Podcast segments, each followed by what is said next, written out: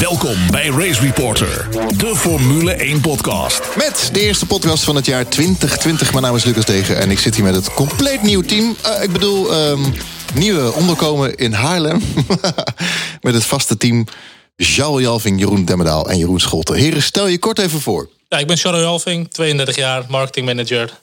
En uh, ik doe een en ander ook in de motorsport. En onder andere podcast in deze fantastisch gezellige podcast. Ja, nieuwe studio. Ja, ik ben uh, Jeroen Demmerdaal. Oh ja, goh, voorstellen, hoe was dat ook alweer? Um, ik, ik schrijf en uh, ik doe ook iets met communicatie en uh, ik kijk al heel lang Formule 1. En ik ben tenslotte Jeroen Scholten. Ik schrijf, communiceer niks, maar ik ben gewoon een racefan. Met een mening. Met een mening en een Twitter-account en een, en een podcast. hoe was jullie winterstop? Ja, fantastisch. Ik heb even een soort van winterslaap gedaan. Ik was er ook al echt even helemaal klaar mee op een gegeven moment een soort van uh, detoxen van de autosport en de Formule 1 een beetje. Dus uh, ja, ik vond het wel even lekker genieten. Al wat geouwe over jullie. Ja. ik vond het ook niet heel erg om eventjes niet op te nemen, moet ik eerlijk zeggen. Het was wel even ontspannend allemaal. Oké, okay, hoe, hoe, voelt uh, dit jaar 2020? Kort tot nu toe. Jeroen Demmenau, jij bent verhuisd hè? Ik ben verhuisd, ja. Vertel, geschilderd? Geschilderd en ingericht, nou ja, half. En uh, ja, nu heb ik mijn eigen speciale opnameruimte ook. Dus uh, gekke huis. Ja, die klinkt ook stukken beter, ja. Kijk, ja. wij, wij ook. Daar heb je het al. Jullie ook, ja. Ik heb ook, mijn internet is ook twintig keer sneller dan het uh, voorheen was. Dus dat, uh, heeft ook, uh, dat is ook een voordeel. Nou. Ik zie jullie nu opeens in HD. Wat trouwens wel een beetje schrik is, moet ik wel zeggen. Maar. Dat is uh, insgelijks. insgelijks. Maar goed, het is misschien wel een mooi moment om even terug te blikken naar het afgelopen jaar, denk ik. vanuit Race Reporter ook. voor ons nieuw, voor Lucas not so much. Want die doet het al eventjes, de podcast Race Reporter organiseren. Ja, ik vond zelf uh, vond ik het echt superleuk. We hebben echt zoveel leuke reacties gehad afgelopen jaar op Twitter, de andere socials. Maar goed, zoals jullie weten, vooral Twitter. Um, en ik denk dat we zelf ook wel heel erg zijn gegroeid. Zowel in techniek als in locatie, als in een stukje structuur. Uh, we proberen ook zoveel mogelijk feedback allemaal mee te nemen van iedereen. Dus uh, deel vooral je mening, uh, wat goed is en wat niet goed is. En dan doen we er iets mee, of niet, zeg maar. ja, mooi gezegd. Nou, het is zeker heel leuk om te doen, ja. Ik vond het echt ergens... De eerste was in China, volgens mij. Ik wou net zeggen, we doen niet in China. Nog niet eens een jaar. Ja, niet in China, maar de Grand Prix van China, inderdaad. En als je die terugluistert, nou, dan moet je beter niet doen. Maar we zijn nu echt wel we hebben ons echt wel heel erg ontwikkeld, vind ik zelf. Alsof we ook, ook in wel... een koekblik zaten een beetje. Ja, ook dat. Maar ik weet ook wel dat ik in het begin ook helemaal niet tevreden was over hoe ik zelf klonk. En dat ik andere dingen had moeten zeggen. En, en, en ja, allemaal gelang de tijd voordat word je er veel ontspannender in en veel relaxter in. En dat is juist een beetje de sleutel, ontspannen. Je moet ontspannen nou, exact, praten. Ja. Want dat laat je op een gegeven moment wel een beetje los, inderdaad. Dat je te kritisch gaat terugluisteren naar jezelf. Op een gegeven moment, het Ja. moet ook gewoon eh, die conversatie worden die we hier hebben. Eh, kijk, ik sta er nog steeds van te kijken dat er iedere aflevering gewoon duizenden mensen inschakelen om naar dit geouwe hoer te luisteren. Ik ook. Eh, maar het is wel ontzettend leuk. Ik bedoel, 2019 begon ik en ik wist eigenlijk niks van podcast. Ja, ik wist dat het bestond, maar ik, ik heb in 2019 echt podcast als een medium ontdekt. Ehm, en ja, ik, ik hoop dat we ook in 2020 lekker door kunnen groeien. Ja, toch? En uh, misschien nog even een veer uh, ergens te steken voor de mensen die hebben gedoneerd. Daar ben ik ook altijd Ja, wel van. Uh, dat heeft voor ons natuurlijk ook wel een hoop gedaan. Dat we ook best wel konden wat bijschaven in techniek, eh, microfoons, in een eh, mengpaneel, et cetera. Waardoor de kwaliteit ook gewoon beter wordt. Nee, maar goed, dat scheelt wel. Eh, Kijk, we hebben allemaal gewoon een baan hiernaast. En eh, dit is gewoon voor ons een stukje passie. Ehm, ik denk, het wordt wel echt gewaardeerd. En dat vind ik zelf heel erg mooi om te zien. Over eh, donaties en fans gesproken. Meteen de eerste vraag, die kregen we van Joost. Wanneer komt er een Race Reporter meet-up? Waar kom je Lucas tegen? Lucas Degen tegen? Ja. ja, komt er een meet-up? Ja, ik denk dat we het Ziggo Dome wel even af kunnen huren. Ja? Ja, we hebben zo'n beetje elke week een meet-up. Ja, dat is waar. Ja, nu kun je ook publiek ontvangen, toch? Daar. Ja, dat is waar. In, Ja, de- in die enorme ruimte die jullie hebben daar. Ja, we hebben een nieuwe, nieuwe studio, dus dat, eh, dat eh, wie weet. Oh ja, kunnen dat we- kan natuurlijk. Kunnen we wel gaan doen, Ik ja. moet Ja, zeggen, zoals- eh, regelmatig hoor ik mensen wel over dat ze het leuk vinden om eh, de opnames bij te wonen. Ja, dat kunnen we vullen zoals bij Veronica Inside. doen, Heb je allemaal publiek zo eromheen zitten. En dan gaan wij in een grote tafel aan het midden zitten ouwe eh, hoeren. ja, een beetje zeuren. Een beetje zeuren. ja. En de En oude dan nootjes. ze allemaal daar achter die, achter die glazen ruit staan zo. Zo gaan we een beetje apisch kijken. Dat is hartstikke mooi man. Net als, bij, net als, in, Blij, net als in Blijdorp. Ja. Volgende vraag, racebezoeker.nl. Gaan jullie zelf dit jaar nog naar een Grand Prix? Gaan jullie een Grand Prix bezoeken? Nou, volgens mij gaan jullie naar zoveel Grand Prix dat ik het niet eens meer kan bijhouden. ik ga zelf naar, eh, naar eh, de Grand Prix van Nederland. Maar waar gaan jullie heen? Ik ga maar naar één Grand Prix en dat is in Oostenrijk. In Nederland ben ik toevallig niet in het land. Maar ik ga ook nog, want hij vraagt alle klassen. Ik ga ook nog, als het goed is en alles mee zit, ga ik naar eh, Austin, Circuit of the Americas. Maar dan voor de IndyCar race met. Rinus VK. Heb ik ook heel veel zin in. En ja, traditiegetrouw wil ik ook wel weer naar de MotoGP in eh Assen, ja. uiteraard. Want die staat ook wel echt nog wel hoog op mijn bucketlist. De MotoGP. Nog nooit geweest. Nee, ik heb ook de Dutch Grand Prix op de agenda. België, elk jaar. Ehm, ik ga ook naar de IndyCar. Zeer waarschijnlijk dit jaar in april. Long Beach. En ook eh het liefst met een bezoekje natuurlijk aan Rinus VK. Eh, we hebben nog de Formule E Parijs hebben we waarschijnlijk op de agenda. Of Londen. We moeten nog even beslissen. DTM Assen met de W-series. En heel misschien de 24 uur van Le Mans. En verder kijken we hoe het jaar Ja. verloopt. DTM Zolder wil ik nog wel in, ja. Assen. Jeroen? Nee? Ehm, nou ja, uiteraard. Ik ga inderdaad naar Zandvoort eh, in, eh, in mei. Ehm, ik doe ook DTMB-series, maar dan in Anderstorp. Dan komen we voor het eerst van, eh, in de historie komen ze naar Zweden toe. Dus daar ga ik naartoe. Ehm, en ik ga naar het Deens Formule 4 in Zweden. Eh, dat is in juli. En dan denk je, waarom zou je in hemelsnaam naar het Deens Formule 4 gaan? Nou, dat is om Ju- omdat Juju Noda, de 14-jarige dochter van Hideki Noda, de oud Formule 1-coureur, die gaat daar dit jaar in rijden. En die wil ik wel eens een keer met mijn eigen ogen aanschouwen. Eh, want dat schijnt toch wel echt een wonderkind te zijn. Daar heb ik inderdaad Eh, wel dus goede daar ben ik dingen... wel benieuwd, heel benieuwd naar. goede dingen over gelezen, inderdaad. Maar dan zeg je dat van die Formule 4, van waarom? Ik moet zeggen, juist die, die lagere autosportklasses vind ik echt fantastisch om te zien. Omdat het zijn allemaal Ja. nog jonge, frisse talenten. Ook wat minder talenten. Maar eh, om te zien hoe ook zo'n wereld zich eigenlijk een beetje eh, ja, beweegt. Ik vind dat super interessant om te zien. Het is soms gewoon een Formule 1 in het klein. Ja, dat is best wel genieten. En je komt ook relatief dichtbij. En Wij zijn Ja. natuurlijk, en ook voor jou met de W-series bezig om eh, accreditatie te krijgen. Dus dan heb je altijd al wat, wat leukere plekken, et cetera. Als bezoeker zijn dit soort evenementen altijd heel mooi. Race Reporter, de Formule 1 podcast. Racereporter.nl Laten we het hebben over Formule 1. Want daar gaat deze podcast over. Race Reporter. Het jaar 2019. Ehm, eh, hoe gaat dat jaar voor jullie de geschiedenis in? Welk gevoel hebben jullie er aan overgehouden? Hoe verhou- hoe verhoudt het zich tot andere jaren? Nou, voor mij was het gevoel vooral dat eh, we een stukje gezien hebben van hoe het racen er de komende 10, 12 jaar uit gaat zien. Want eh, het was voor het eerst echt dat we Verstappen en Leclerc Ja. vele malen in duels hebben gezien. Met Ja. name natuurlijk in Oostenrijk en Silverstone. En hun manier van racen. eh, aange, aangemoedigd door Verstappen, denk ik. En Leclerc heeft openlijk gezegd daar een beetje mee te moeten gaan. Dat is een harde manier van racen, een stevige manier van racen. eh, waarbij ze elkaar heel weinig ruimte gunnen. Was dat ook in Oostenrijk, die foto dat ze toen eh, aan het wachten waren op de stewards? Dat Leclerc toen zo Ja. vuil keek. En dat je echt die ja, ja, rivaliteit ja. begon te zien tussen die de twee. beroemde foto waarin Ja. hij zo naar eh, Verstappen... Echt een foto van het jaar wat mij betreft. Echt foto van het jaar. Ja, dat is absoluut de foto van het jaar voor mij ook. En, en eigenlijk eh, zie ik zo ook het jaar 2019. We hebben een beetje gezien hoe het de komende 10, 15 jaar echt keihard geraced gaat worden. En die duels die, worden, die gaan echt heel pittig worden. Maar ik moet zeggen, het begin vond ik echt dramatisch. Met de eerste acht Grand Prix gewonnen door Mercedes. Dat we echt dachten van, wat gaat dit voor seizoen worden? Gaan andere teams nog wel een race winnen? Want zo zaten we op een gegeven moment ook in het begin van de podcast. Van eh, als dit zo doorgaat, dan eh, hebben we alleen maar Mercedes eh, op, op de topstep of het podium. Dan werd het een rotcast. Ik weet, wel na die, ik weet wel na die Franse Grand Prix dat ik inderdaad mezelf afvroeg van hoe gaan we dit het hele seizoen nog volhouden. Ja? Eh, met die podcast ook. Want ik bedoel, als je iedere race zo moet bespreken, dan wordt het wel heel erg vervelend. Gelukkig werd het eigenlijk direct daarna, na die Franse Grand Prix, eh draaide het hele seizoen eh, zich eigenlijk volledig om. Dus dat was prima. Ehm, het is niet echt, denk ik, voor mij een, een heel erg memorabel jaar. Maar verder sluit ik me wel aan bij Jeroen. Dit is denk ik het eerste jaar waarbij we die, eh, de toekomst van de Formule 1 hebben gezien. Eh, met Verstappen versus Leclerc. Eh, wat, we hebben nog een, ehm, eh, ehm, een, een volgende punt zeg maar, voor 2020 natuurlijk. Hè. Wat kunnen we nu verwachten? Ik denk dat we dus dit jaar daar alleen maar meer van gaan zien. Ehm, kijk, het is natuurlijk, we, we weten natuurlijk nog steeds niet. Hè. We hebben nog, nog geen nieuwe auto gezien. Maar ik heb wel goede hoop dat je in 2020 echt die drie strijd tussen Mercedes, eh, Red Bull en Ferrari eh, kunt gaan zien. Eh, ik, ik hoop dat Honda wat stappen heeft gemaakt ten opzichte van vorig jaar. Ook omdat daar nog wat meer ontwikkelingsruimte in zit in die motor. Dus ehm, ja, ik, ik heb wel heel veel zin in 2020 wat dat betreft. Ik denk het ook. En ik denk ook dat die, eh, die stijl van racen, zoals we die zagen vorig jaar bij de jonkies, dat dat ook een beetje de toekomst gaat worden. Want ik vond dat tussen Hamilton, eh, Vettel en, eh en Rijkonen en dat soort jongens was het over het algemeen vrij respectvol en vrij lief onderling. Eh, en dat is ja, met deze twee heren anders. En ik denk ook dat dat gewoon de toekomst gaat worden. Eens. Eh, Maar om ook even de lijn door te trekken van afgelopen jaar. Mercedes begon het jaar ook zo sterk. Terwijl Ferrari eigenlijk in de wintertest eh, door iedereen werd weggezet van nou, dit, dit is, die gaan gewoon winnen in Australië. En je ziet ook, eh, Mercedes heeft toch het einde van het seizoen, de laatste zes Grand Prix, hebben ze er gewoon vijf van gewonnen.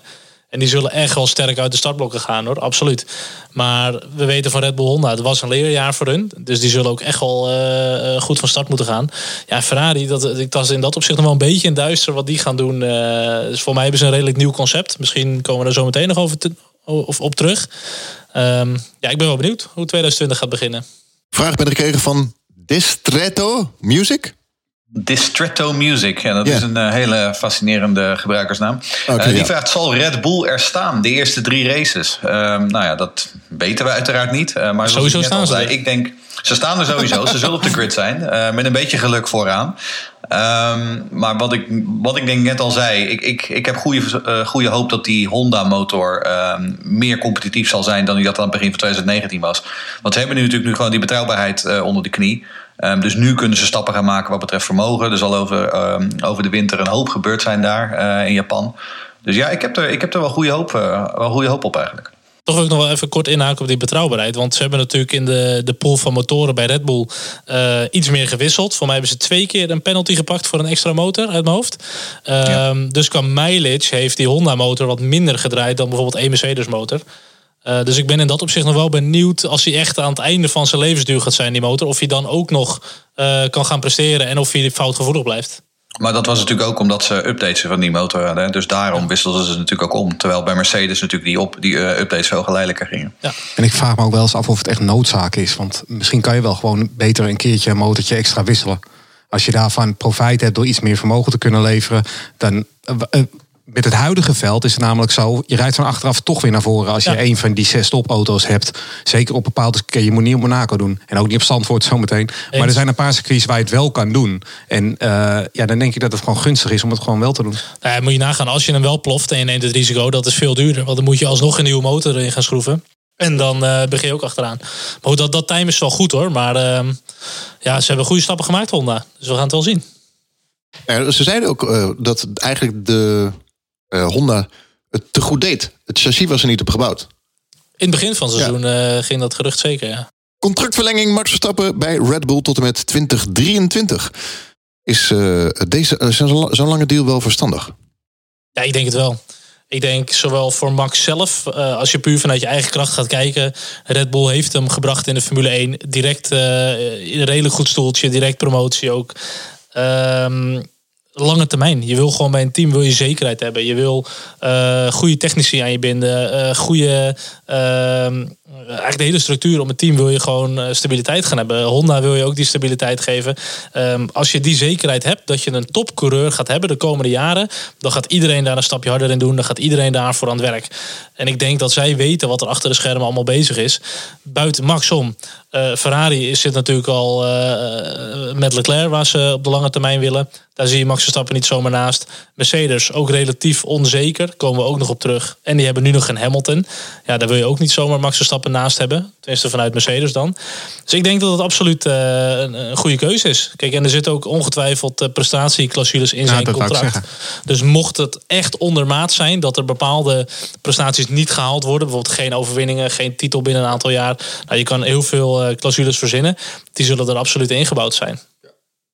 Ja, dat denk ik ook. Ehm, ik denk ook dat ehm, Honda gewoon blijft en zich al in, eh, misschien niet formeel, maar in ieder geval in principe gewoon voor de lange termijn heeft vastgelegd. Want anders tekent Verstappen nooit bij tot en met 2023. Ehm eh, tuurlijk, prestatieclausules heb je altijd als een oud. Ehm, het, forma- het, voor- het grootste voordeel wat ik zie is dat hij eh, dit jaar gewoon geen afleiding meer heeft door geruchten over zijn toekomst. Ehm, dus hij kan zich het hele 2020 volledig richten op die titelstrijd. Ehm, En ik denk dat dat ook mentaal heel erg meespeelt. Ehm, en ja, wie mij eh, eerder eh, deze maand al bij Q Music gehoord heeft, die kent deze eh, redenering al. Maar iedere transfer is een gok. Hè? Dit team kan die mee lezen en schrijven. Als je naar Mercedes gaat, toch weer nieuwe mensen. Je moet weer nieuwe engineers, een nieuwe werkomgeving. Ferrari, hetzelfde verhaal. Ehm, bij Red Bull weet hij wat hij heeft. Ja, dat, maar dat is dan nog wel één dingetje. Want we hebben het wel, iedereen die zegt dan ja, Honda en Honda. Maar de andere sleutelfiguren binnen het team, hè, wat gaat daarmee gebeuren? Christian Horner, ehm Adrian Newey. eh, dat zijn toch allemaal jongens die ook aflopende contracten hebben, zover ik weet. Ja, maar ik denk dat dat hetzelfde, uh, hetzelfde idee is. Als, als Horner en Newey uh, intern hebben aangegeven, we stoppen ermee. Um, of nou, laten we, het, laten we het omdraaien. Ik denk dat uh, Max, voordat hij zijn handtekening heeft gezet... dat hij met Horner en Newey om een tafel is gaan zitten en zegt... luister, wat gaan jullie doen, jongens? Ik wil jullie er ook de komende vier, vijf jaar bij houden... want anders doe ik dit niet. Dat, dat kan haast niet anders. Nee, het is bewezen een winnende combinatie. Kijk, en of het een, een slimme keuze is, dat weet je pas achteraf. Maar waar moet je nu heen? misschien is Ferrari hartstikke goed voor, voor dit jaar. Misschien is Mercedes heel goed, of juist niet. Hey, dat zag je met een Hamilton die naar Mercedes ging. Ja, dat was de gouden move.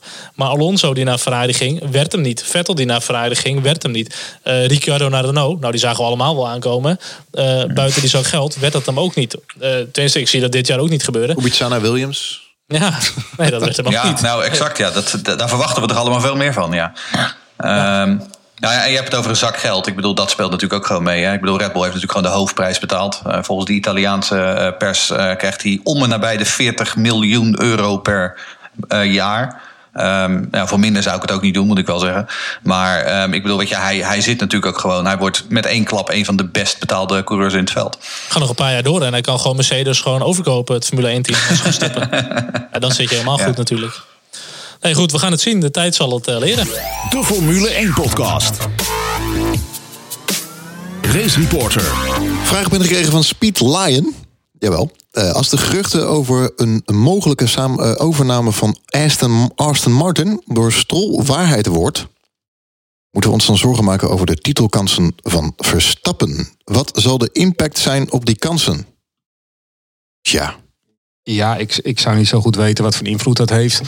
Uh, die geruchten die gaan inderdaad dat Toto uh, en uh, de vader van Lance Stroll, Lawrence Stroll, Aston Martin overnemen en een soort van management buyout van Mercedes gaan doen. En dat Mercedes dan vertrekt en ze gaan dan met de Mercedes motor verder rijden.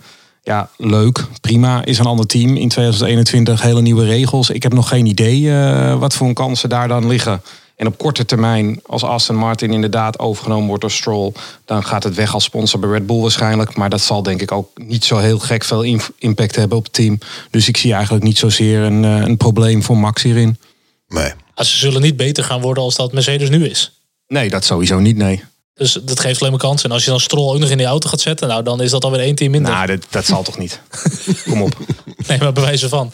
Nee, maar dit zijn echt nog geruchten. En uh, ze worden wel wat hardnekkiger dat uh, Stroll met Aston Martin inderdaad ja, bezig Lance is. Stroll en Susie Wolf als uh, coureurs. ja, dat, dat zou wel heel leuk zijn. Ja, dat zou wel lachen. Ja, wie zou dat dan? Vrouw in de Formule 1, hè? Ook nog. Ja, ja. Ja, en dat hij gewoon Lance Stroll om zijn oren rijdt. Dat zit er dik in. Ja, wat zegt deze deal over de toekomst van Honda? Ja, daar, daar verschil ik dan wat van mening in met uh, Jeroen Demmendaal. Die, die denkt dus dat het nu een done deal is. Ik denk op zich ook wel dat de intentie er absoluut is. Hè. Ze hebben in november volgens mij uh, verlengd tot 2021. Uh, dat is, daaruit spreekt al dat ze in principe gewoon ook door willen. Alleen, ik denk niet dat er in die zes weken sinds, uh, sinds toen, of acht weken sinds toen, dat er heel veel veranderd is binnen de boord van Honda. En dat ze ineens een andere mening hebben en toch ineens een lange termijn commitment aangaan. Daarbij, om heel eerlijk te zijn, denk ik dat Honda, wat ze ook gezegd hebben, het gaat puur om de financiën. Honda is de enige fabrikant in de Formule 1 die geen eigen team heeft. Zoals de nieuwe voorgestelde regels er nu liggen wordt er op motorenvlak nauwelijks iets bespaard. Dat houdt dus in dat uh, Honda als enige grote speler in de Formule 1 uh, niks kan besparen vanaf, vanaf die regels, zeg maar. Want Ferrari, Renault en uh, Mercedes kunnen dat op hun team. En, en Honda kan dat op niks. Dus daar, daar, daar zullen ze in Japan niet heel blij mee zijn. En, en zolang daar niet een betere regeling voor komt, dan zullen ze denk ik nog niet zich volledig committeren aan de sport. Maar de intentie is er wel. Maar toch, als ik dan zie waar Honda vandaan komt, het dieptepunt met McLaren, uh, daar bleef ze ook in geloven, bleef ze ook doorgaan. En afgelopen jaar als hoogtepunt met Max, uh, sowieso de overwinning in Oostenrijk. Ze zijn echt van ver gekomen. En Zeker. de meeste ontwikkeling uh, heb je nu in theorie gehad, want dat is die inhaalslag. Um, de, de formule verandert de komende jaren natuurlijk niet heel erg veel. Bij McLaren zaten ze bij één team. Nu zetten ze die motoren af bij, bij twee teams. Um, Weet je wel, en pas, voor mij is pas 2025 of 2026 dat er nieuwe krachtbronnen gaan komen. 2025 volgens mij. Ja, en dan hebben ze het misschien over tweetaktmotoren volgens mij. Uh... Ja, daar komen we later nog op. Ja, nou maar goed. Uh, kijk, dan, dan heb je weer een heel totaal nieuwe ontwikkeling heb je het over. Maar ik kan me niet voorstellen dat uh, Honda hier ook niet gewoon een dikke duit in het zakje doet voor Max Verstappen voor de komende jaren. Maar sowieso, ik bedoel, Honda is inderdaad van heel ver gekomen. Heeft al die investeringen in dat motorprogramma gedaan. Ja, die zijn niet de, de Formule 1 ingestapt om vijfde in het constructeurs WK te worden. Samen met hun, met partner. En dan zouden ze nu, nu dat ze eindelijk zeg maar richting uh, de top gaan, samen met wat, wat mij betreft gewoon een van de drie beste coureurs in het veld is. Dan zouden ze er nu opeens mee stoppen naar 2021? Absoluut niet. Dat geloof ik ook niet zo snel. Maar Jeroen, ik hoor jou nog zeggen toen uh, Honda bijtekende voor een jaar, dat jij zei van, joh, ik vind het wel opmerkelijk dat ze maar bijtekenen voor één jaar. Daar zit toch wat ja, achter. dat vond ik ook. Maar en dat is om druk te zetten ja, op de FIA en op de FOM voor de regels. Omdat ik, maar omdat ik toen nog niet wist wat Verstappen ging doen. Maar op het moment dat Verstappen bijtekent tot 2023, nogmaals, Max Verstappen, Jos Verstappen en Raymond Vermeulen zijn niet gek. Die tekenen alleen zo lang bij als ze zeker weten dat het technische plaatje ook compleet is. Dan moet je ook nagaan dat uh, Toro Rosso die was gewoon aan het vechten met het fabrieksteam van Renault. Hè? Uh, ja. Dus laat wel zien hoe goed uh, Honda er in dat op zich voor staat. Want het zit geïntegreerd in een Toro Rosso chassis. en dan ga ik vast oefenen voor dit seizoen Alfa Tauri. Dat ik niet Toro Rosso blijf zeggen. Um, oh, ja, maar goed, ze zitten er gewoon bovenop. Is het Tauri? Nee, toch? ik, weet het ik heb de uitspraak nog niet gehoord. Er staat Tauri, dus ik zeg Tauri. Ja, maar dat is dus ook Taurus in het Latijn. In Latijn. Dus ja, toch? dat is waar ik oh, eigenlijk vanaf ging. Dan ja. doen we hem zo. Maar als uh, luisteraars het weten, dan mogen ze het uh, tweeten naar ons. Ja, ja, hoe kan je dat nou tweeten? Nou ja, maar dat is toch net als Kubica of Kubica? Ja, maar dat kan je toch niet tweeten? Jawel, dan moet je het fonetisch uh, moet je het tweeten oh, naar ons. Okay. Dan weten we fonetisch, het ook. ja. ja. Dus dat is te doen. Nou, goed. Um, Max voor lange tijd gecontracteerd. En ook Charles Leclerc bij Ferrari tot en met 2024. Ja, die gaat nog langer door, inderdaad. Ja. Um, ook hier kunnen we ons af, afvragen: is het deze lange deal wel verstandig? Um, nou, ik denk vanuit Ferrari absoluut. Um, uitstekend nieuws. En voor Leclerc, ja, weet je, het geeft ook, uh, net als met Max, hè, het geeft wel gewoon rust. Je weet waar je aan toe bent de komende jaren. kijk, er zijn ongetwijfeld ook hier weer al tal van clausules ingebouwd in dat contract. Maar Zowel Ferrari als Red Bull kunnen nu de komende jaren gaan bouwen en een team gaan bouwen rond een onbetwiste kopman. Ja, um, en ik denk, ja, ik, ik denk ook, om het punt wat Jeroen eerder maakte, um, dat je daardoor de komende jaren echt die rivaliteit, die kan ze recht op gaan bouwen nu. Uh, en daar kijk ik ook gewoon heel erg naar uit. Maar jij zegt ze kunnen de komende jaren gaan bouwen, maar er zit nog een Duitser tussen.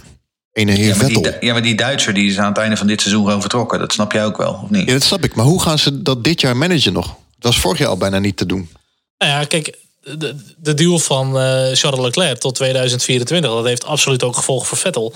Uh, die ligt vast tot uh, eind 2020.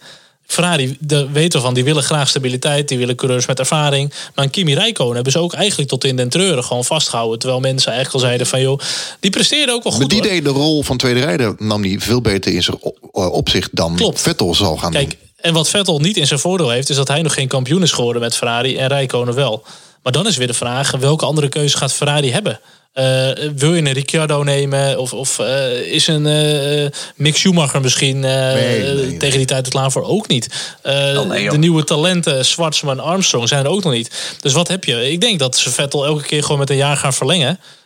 totdat ze zeggen, nou is het echt ondermaats, we gaan er vanaf. Nou, ik denk wel dat in ieder geval alles nu op Leclerc gericht is. Ja. En dat zie je nu ook omdat ze bij de Ferrari Academy hebben ze Arthur Leclerc uh, aangetrokken als, uh, als jong talent.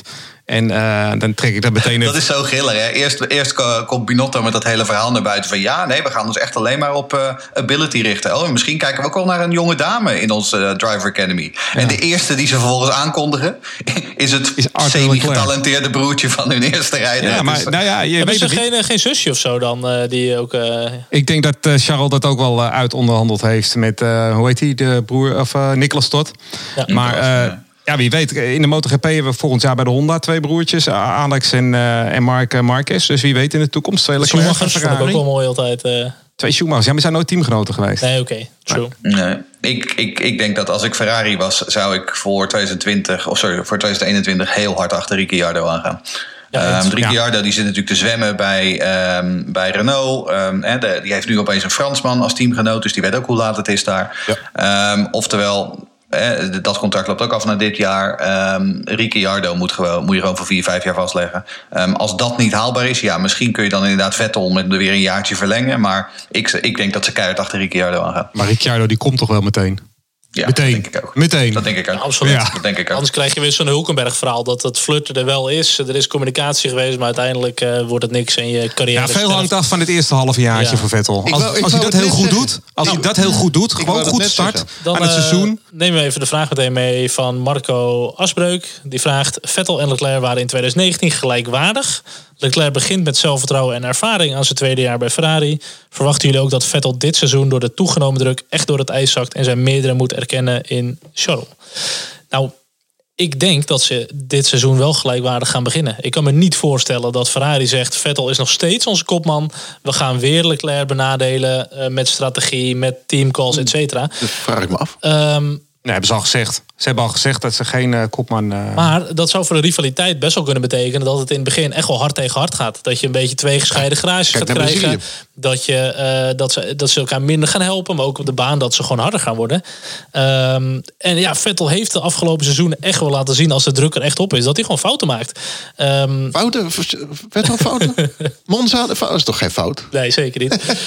Nee, ik- ja, ik, ik ben benieuwd. Misschien dat eh, Vettel eh, zelfs al zich een beetje schikt in een soort van senior rol. eh, dat hij, dat hij ja, minder die, die, die nummer één plek. En dat hij gewoon zijn races wil uitrijden. Kijken of hij wat overwinningen kan pakken. Gaat hij niet doen, denk ik. Ja, ik ben wel benieuwd. Ja, het is heel simpel. Kijk, je hebt één jonge coureur, jonge, veelbelovende coureur, die ligt vast tot en met 2024. Die andere, daarvan loopt het contract aan het einde van dit jaar af. Oftewel, je bent helemaal gek als je je niet helemaal gaat richten op die jongeling en daar dat team rondom gaat bouwen. Maar aan de andere kant, dit is Ferrari, dus het zou me Ja. inderdaad geen enkele. eh, het zou me absoluut niet verbazen als ze inderdaad rustig die twee elkaar constant in de haren laten rijden. Ehm, maar kom op, de, de kan, dit kan toch maar één, je kan dit seizoen toch maar op één manier starten. En dat is gewoon Leclerc als je absolute kopman eh, Ja, vind eh, ik ook. Eens. Maar Vettel gaat dat niet doen. Maar dan zou het gevolg dus wel kunnen zijn dat Vettel na 2020 zegt van jongens, ik ga lekker terug naar Red Bull. En we gaan met die. eh, naar Ja, maar je kan, je kan in principe wel eh, iemand als kopman aanwijzen van tevoren. En ik ben het helemaal eens met Jeroen dat je dat nu moet doen bij Leclerc. Maar het kan ook gewoon zo zijn dat Vettel eh, heel goed gaat starten. Want die krijgt gewoon hetzelfde materiaal. Ja. Hè. Er zit echt geen verschillend materiaal bij die topteams. Een gebeten hond. En als hij gewoon goed begint, dan kan hij na drie, vier, vijf races er ook gewoon goed voor Het staan. is ook en dan zeker verdwijnt verschil. verschil. Net zoals we vorig jaar zagen. Maar ik denk als hij dit seizoen eh, er niet aankomt bij Leclerc, dat hij echt wel in 2021 gewoon in die Red Bull kan gaan zitten. Eh, Nee. Nieuwe reglementen, eh, ja. totaal nieuwe richting. Nee, nee, nee. Ja, Want jij, zegt, is jij, zegt hetzelfde. net, jij zegt net, hij is, hij is slecht onder druk. Hè? Dan gaat hij fouten maken. Nou, laten we zo denken. Als je nu Leclerc kopman maakt, dan is er voor Vettel geen enkele, geen enkele druk meer. Want hij is geen kopman meer. Ehm, weet je, niemand verwacht meer van hem dan dat hij inderdaad een soort senior eh, tweede rijder is die de punten voor het WK bij elkaar harkt. Misschien inderdaad, inderdaad daardoor, doordat hij die druk niet meer heeft, soort eh, underdog. hervindt, hij, hervindt hij zichzelf weer. Ja, maar net als een overstap naar Red Bull, dat is exact hetzelfde. Alleen is hij dan achter Verstappen tweede man. Ja, maar dat gaat, dat gaat, dat gaat Red Bull nooit doen, want ze willen altijd Nee, jonge, dat jonge geloof ik ook talenten. niet. Ik geloof, er niks van, eh, ik geloof er niks van dat hij naar Red Bull Maar gaat. misschien dat hij eh, Maar er zat toch ook een Mark Webber? Dat was toch ook geen jonge, Nee, jonge god? nee, maar die of, kwam eh, vanuit niks. Maar ze hebben ook Alonso daarom niet aangenomen. Ze willen geen... Nee, maar Vettel vind ik een ander verhaal. Die, wat hebben die jongen? Vier wereldtitels dat- binnengehaald bij Red Bull? Ja, dat is zou op. kunnen. Ik zie hem nog wel eens naar het oude nest terugkeren. Ik, ik zie dat, voor hem zie ik het ook niet zitten. Dan, moet hij, dan kan hij beter met, eh met eh, vadertje Stroll naar eh, Aston Martin Mercedes. Heeft hij een lekkere Duitse motor, daar houdt hij van. Die nooit stuk gaat. En dan kan hij lekker tegen Lance Stroll rijden. Nou, dan heb je echt geen druk. Dan heb je echt geen druk, hè? Nee, Maar het, het zal me dat zelfs, zelfs, niks, het zal me zelfs niks verbazen als ze halverwege het seizoen al zeggen... eh, Vettel, heb je er nog wel zin in? maar Ferrari moet ook wel een alternatief klaar hebben. En dat geldt hetzelfde voor Red Bull.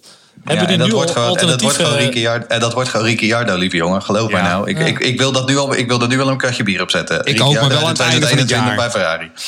Niet, nee, natuurlijk. Niet, niet uiteindelijk, halverwege nee, nee, nee, niet halverwege. Maar ik bedoel, Vettel die dient gewoon zijn contract uit. En daarna dan stopt hij ermee. En eh wat hij is nu ook gewoon eh, eh, small barns papa, zoals ze hier in eh, Zweden zeggen. Hij heeft twee kleine kindertjes. Dus die gaat lekker eh, rentenieren. Maar toch gaan we zo meteen nog ook even over de aanstormende jeugd hebben, de talenten. Ik zie nog niet heel veel echt talent klaarstaan, wat al direct bij een topteam eh, kan instappen of kan doorstromen.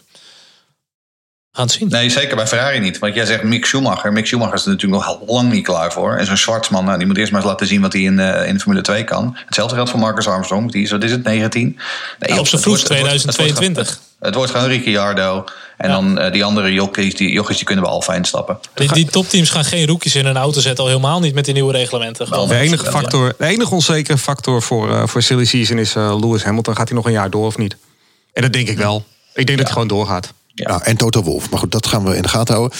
Race Reporter. Slechts één rookie op de grid dit jaar. De Formule 1 podcast. En de terugkeer van een oude bekende.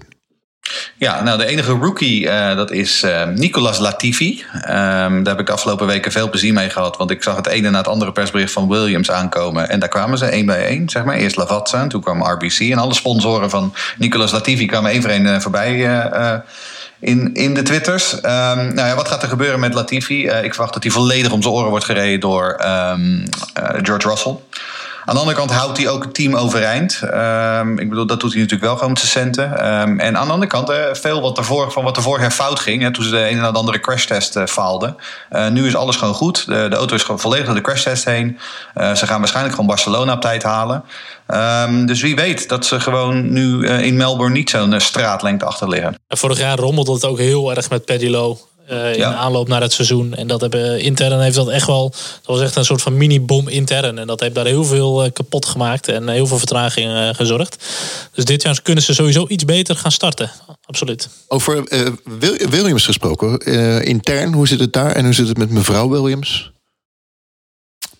Ah, ja. We hebben het over de rijder, maar hoe, wat moet het team? Nou ja, weet je, het punt is natuurlijk, ze hebben nu, wat ze hebben nu ook die Nissani aangesteld als, als testrijder. Dat is natuurlijk ook gewoon, ik bedoel, iedereen weet wat daar aan de hand is. Um, ik, ik, las hier en daar wat lullige stukjes erover. Want hij is natuurlijk de zoon van Nissani, die destijds in de Minardi, wat is het, 12 seconden te, te langzaam reed. En vond dat hij te veel grip had in zijn Minardi. Um, kijk, ik vind het niet zo gek, want um, ze hebben nu uh, via Nissani hebben ze nu die Israëlische uh, start-up sector aan boord. En daar zit een heleboel geld. dus ik vind het niet eens zo heel gek dat ze net als dat ze vroeger ooit naar de Saudi-Arabië gingen kijken, dat ze nu een beetje in, in Israël gaan kijken voor nieuwe sponsoren. Dus wat dat betreft veel zal er vanaf hangen hoe het dit jaar gaat, denk ik. Uh, ze moeten wel echt vooruit gaan, ja. Want als het uh, nog slechter wordt of hetzelfde niveau als vorig jaar, dan denk ik dat ze gewoon moet vertrekken, mevrouw Williams. Ja, ik zie het zelf wel echt als een bodemloze put. En ik zie niet hoe ze dit gaan omdraaien. Ze zitten nog zo in die overlevingsmodus. Uh, dat je echt geld nodig hebt om alleen maar je business, je team draaiende te kunnen houden. Dan heb je nog niet eens over de reglementen voor 2021, waar gigantisch veel geld heen gaat. Dat hebben ze gewoon niet. Dus ze zitten zo nog eigenlijk van, van seizoen tot seizoen, van maand tot maand te, te kijken of ze het geld bij elkaar kunnen harken. Ja, ik, ik zie niet een oplossing. Ze willen niet een, eh, een aandeel uit handen geven. Um, maar als je niet hetzelfde doet wat Sauber deed met Alfa Romeo bijvoorbeeld. Of, of uh, um, Racing Point met Stroll natuurlijk, uh, Force India. Ja, dan zie ik niet een manier hoe je er op eigen kracht uit gaat komen zomaar. Maar zijn er mensen dan binnen Williams die Claire Williams weg kunnen sturen? Frank? Um, Frank ja, uit, uiteraard, want ze is, ze is, managing director. Dus de, zij is daar uh, bij creatie van uh, de board of directors. Als de board of directors op een gegeven moment besluit. Want het is een, het is een beursgenoteerde onderneming, hè, Williams. Uh, maar officieel valt ze nog steeds onder Frank, volgens mij. Mm, ik, ik weet het niet precies. Ik, maar ja, ja, zij is interim of zo. Is, is vervangend, ja, ik wil zeggen, maar ik weet dat er, is een board of director. En een board of directors in een, in een beursgenoteerde onderneming heb je een raad van bestuur. En dat is waar Claire dan zeg maar de, de, de baas van is. En je hebt een board of directors. En als de board of directors zegt van je maakt er een potje van, we sturen je weg, dan sturen ze je weg. Ja, dat kan. Um, dus ik, ik denk wel zeker dat ze weggestuurd kan worden. En, en ik, ik, ik ben iets minder pessimistisch dan, uh, dan Charles. Um, omdat ik zeg, weet je, het is nu wat rustiger. Ze hebben nu alle crash tests op tijd doorgehaald. Dus die, je, zou, je zal geen herhaling krijgen van vorig jaar in Barcelona. Toen ze gewoon, wat is het, vier, vijf dagen te laat opkwamen dagen. Um, nou, hopelijk zet dat wat zoden aan de dijk. Maar ja, het is nog steeds... Ja, ik, ik, hoop het, uh, ik hoop het voor ze, want het blijft natuurlijk historisch gezien echt een fantastisch team. En ook met Frank, ik gun het ze van harte. Race Reporter, de Formule 1 podcast. RaceReporter.nl uh, Le Monsieur Ocon is terug, onze oude bekende Esteban. Wat gaat hij doen? Wat verwachten jullie van Esteban Ocon bij Renault? Ja, lastig. Enerzijds, uh, het is een Frans team. Het is een Fransman. Dus dat zou wel een bepaalde synergie moeten geven. Maar dat kan elkaar versterken. Maar bij Renault weet je nooit wat dat betekent. Want het kan ook gewoon uh, slappe stokbrood worden, zeg maar. Ja. Kijk, die jongen die heeft gewoon een jaar helemaal niks gereden. En dat is niet heel fijn voor je carrière en voor je zelfvertrouwen in die auto's. Uh, het is voor hem ook nieuw team, nieuwe motor, zeg maar voor hem, nieuwe teamgenoot. Alles is nieuw. Mm, ja, ik, ik ben wel benieuwd. Ik, ik, uh, ik kan het heel slecht inschatten. Ik, ik, Ricciardo vind ik absoluut geen slechte rijder. Maar goed, Ocon deed ten opzichte van een Max in de Formule 3 natuurlijk ook absoluut niet slecht. Op zijn zachtst gezegd. Ja, won. Ja, ik vind het, uh, ik vind het ja, goed. Wel bij een flink beter team natuurlijk. Nou, in potentie vind ik uh, Ocon uh, zeker van het niveau Ricciardo. Ja. En ook qua persoonlijkheid is hij van dat niveau. En, eh, persoonlijkheid? hij- Qua persoonlijkheid, ja, want er wordt altijd heel lachig over gedaan in Nederland. Maar die jongen is gewoon is net een verstappen hoor. Die ziet, die ziet gewoon zichzelf als de allerbeste. Ja, en die heeft gewoon een hele sterke persoonlijkheid. En ehm, ja, in Nederland zien we altijd eh, alleen maar Brazilië voor ons, waarin die eh, de Ja. fout in ging. Maar daarom is, het ook zo, gewoon- daarom is het ook zo leuk dat hij weer terug is. Want hij is Ja, namelijk gewoon, aards, hij is gewoon aardsvijand en nationale Ja. vijand nummer één. En ik, ik kan er echt al naar uitkijken, zeg maar. Hoe die gewoon, gaaf. wedstrijd na wedstrijd, gaat hij alle Hollanders eh, het bloed onder de nagels vandaan halen. Ja. Eh, dus Twitter wordt geweldig dit jaar. Echt, ik kan Ja, er echt heerlijk. Ik, ik verheug me ook echt op, ja. En in de, in de loop van, van komend seizoen gaat Ricciardo ook de baan zijn, denk ik. je, je hebt wel gelijk, want bij Racing Point eh, ja, kon ik wel genieten van Ocon. Voor India, ja. Ja, voor zin, ja. Hey, maar het is absoluut geen slechte jongen. Ja, daarom. Maar goed, het zijn voor Max twee gigantisch mooie, eh, mooie rivalen voor de komende jaren. En, Ja. Maar goed, verder qua personaliteit eh, vind ik Ocon nou niet super tof. Er zit wel een kop op, Nee. maar het blijft gewoon een Fransman. Net als zo'n Grosjean of zo. Ik vind dat Maar altijd het echt- gaat er ook niet om of die tof is of niet het tof is. Nee, maar ik vind het gewoon niks. Die uitstraling en zo. Nee, maar dat maakt niet uit. Dat is jouw probleem. Nee, maar dat is zo. Nee, maar ik bedoel alleen maar te zeggen, die Ja. jongen heeft wel karakter. Die heeft nee, persoonlijkheid. en dat is een echte sportman die, Ja. die, die verliezen niet accepteert. Ja. En, en dat bedoel ik ermee te zeggen. Dus Of hij, of hij sympathiek Nee, is, is ja, ach, dat, dat weet ik niet. Ja, maar ik- Nee, het, is een on, het, is, het is een vrij onuitstaanbaar stuk vreten. Maar juist daarom vind ik dat hij heel veel persoonlijkheid heeft. Ja, en wij, vind wij, het wij, wij hier toch ook Charles zitten? Ik bedoel, ja. Ja, ik wil het zeggen. En- en zelfs, en zelfs Ik jou Fransman, accepteren we, Jeroen. Dus, nee, ehm, dat- ik, dat ik is ook prima. En hij kan gewoon heel goed sturen vooral. Dat, dat is het belangrijkste. Hij is zeker welkom. Over talenten goed kunnen sturen. eh, George Russell, toptalent in de knal. Mercedes prote- protégé. Nog een, een jaartje in het, eh, het achterveld. Wat gaat hij volgend jaar doen? Nou, dat vind ik wel een moeilijke. Want hij heeft dit jaar natuurlijk eh, nul punten gescoord. En eh, Robert Kubica eentje. Maar goed, hij was natuurlijk op alle vlakken was hij, eh, Kubica wel de baas. Maar die auto die kwam natuurlijk, die reed achteruit in plaats van vooruit. En uiteindelijk verwacht ik, want Jeroen hoor ik net zeggen, die verwacht iets meer van Williams komend jaar. Nou, daar zal hij misschien ook wel gelijk in hebben. Maar je moet denk ik niet verwachten dat Williams meer dan 10 punten gaat halen volgend jaar. Want dat is gewoon niet realistisch. Nee. Eh, dus eigenlijk kan je verwachten dat Russell het enige wat hij kan doen is eh, Latifi verslaan. Nou, dat gaat hem wel lukken. Dat gaat iedereen lukken van het huidige Formule 1 val- veld waarschijnlijk. Eh, dus dat, dat, dat komt wel goed. Maar daarna is er gewoon wel een groot probleem, denk ik. Want we hebben allemaal de geruchten over Mercedes gehoord. We hebben het er net over gehad. Russell is een Mercedes-protégé. En zijn route was eigenlijk erop gebrand om eh, van Williams eh, waarschijnlijk ergens in het middenveld aan te sluiten. En dan uiteindelijk door te stromen naar het Mercedes-topteam. Nou, als Mercedes ermee stopt, wordt dat een heel lastig verhaal. Eh, dus ik zie voor hem toch nog wel wat problemen. Hij zal toch een andere route moeten gaan nemen, denk ik. Als, als dat er is. En met Ferrari en, en Red Bull, de andere twee topteams. En ook Renault overigens en McLaren. Die allemaal hun eigen junioren hebben. Ja, zie ik toch wel dat als Russell niet heel snel eh, overstap kan maken naar een iets beter team. Dan wordt het echt wel problematisch voor hem. En dit is wel de jongen die. Want we hebben het over Albon en Norris. Maar hij is de jongen die, die Albon en Norris helemaal omdoor reed in de Formule 4, eh, GP Formule 3, GP3. 3, eh, ja, Formule 3, Formule 2. Iedere keer in zijn eerste jaar kampioen, hè, deze jongen. Die is echt heel goed. Ja. Maar ik denk, ik, denk, ik denk dat hij gewoon erop moet hopen dat Mercedes blijft. Eh, en dan kan hij volgend jaar die kant op. En dan kan Bottas mooi de plek van Ricciardo bij, eh, bij Renault overnemen. En dan eh, is de wereld weer alles pers en vee. Ja, dat is wat je moet hopen, inderdaad. Ja. Ja. Maar ik vraag me ook af, is- eh, want jij zegt dat nu, maar stel nou dat hij weer 1, 2, 3 puntjes haalt volgend jaar. Denk, je dat, denk jij dat Mercedes eh, een jongen die alleen nog maar achterin heeft gereden, in één keer in zijn, hun auto gaat zetten? Ja, want ehm, kijk, ze hebben hem natuurlijk ook een aantal keer getest. Dus ze weten wat hij kan in die Mercedes. Ehm, en ze weten goed. wat jij net zegt. Hè? Eh, overal waar hij rijdt, Formule 4, GP3, F2. Hij rijdt vooraan en hij kan races winnen. Hij kan races controleren. Ja, dat denk ik zeker. En Mercedes moet mee met de Verstappen-Leclerc-generatie. Ook dat. Ook dat. Ik vind het een Ehm, want beetje Hamilton heeft niet het vergelijkbaar eeuwige met, leven. eh, eh, met Stoffel eigenlijk. Die zag je ook dat hij in al die opstapklassen Stoffel van Doorn extreem goed was. En in de Formule 1, oké, hij was eh, ten opzichte van Alonso presteerde hij gewoon niet goed genoeg. Eh, En dat is misschien nog op zacht gezegd. Maar dat zijn ook gewoon talenten die echt gigantisch zijn voor de Formule 1. Maar je weet nooit of die echt tot, eh, tot totale uiting gaan komen op, maar- op dat niveau. Hij moet dus echt hopen dat Mercedes doorgaat. Ja. Anders moet hij een hele andere route gaan nemen. En dan moet hij naar teams toe die eigenlijk ja, eh, door Ferrari of, Ik zie hem ook niet zo bij Ferrari dan in plaats van. Ricciardo. Nee, maar ik zie dus ook niet bij Haas en bij Alfa Romeo. En Toro Rosso is geen optie. Al die teams vallen allemaal af hè, voor hem. Nee, maar dan ga ik ook weer naar een middenmotor. En dat is op zich natuurlijk leuk. Maar dat zet ook nog geen zoden aan de dijk. Want zo'n jongen hoort gewoon bij eh, top, top 4 auto te zitten uiteindelijk. Over ehm, talenten gesproken. Aanstormende talenten. Armstrong, Zwartsman, Vips. Jullie hebben ze allemaal op een lijstje gezet. Jullie zijn er veel beter in eh, dan ik. Dus jullie jullie eh, scouten, scouters. Eh, wie gaat de Formule 1 halen? Ja, de, Formule Vertel 1, het ons. eh, de Formule 1 heeft tegenwoordig heel duidelijk de, de ladder richting de Formule 1. Met de, de Formule 4, Formule 3, Formule 2. Ja. Eh, er zitten wel wat namen in waarvan we zeggen... nou, die zijn echt het vermelden waard om in de gaten te gaan houden.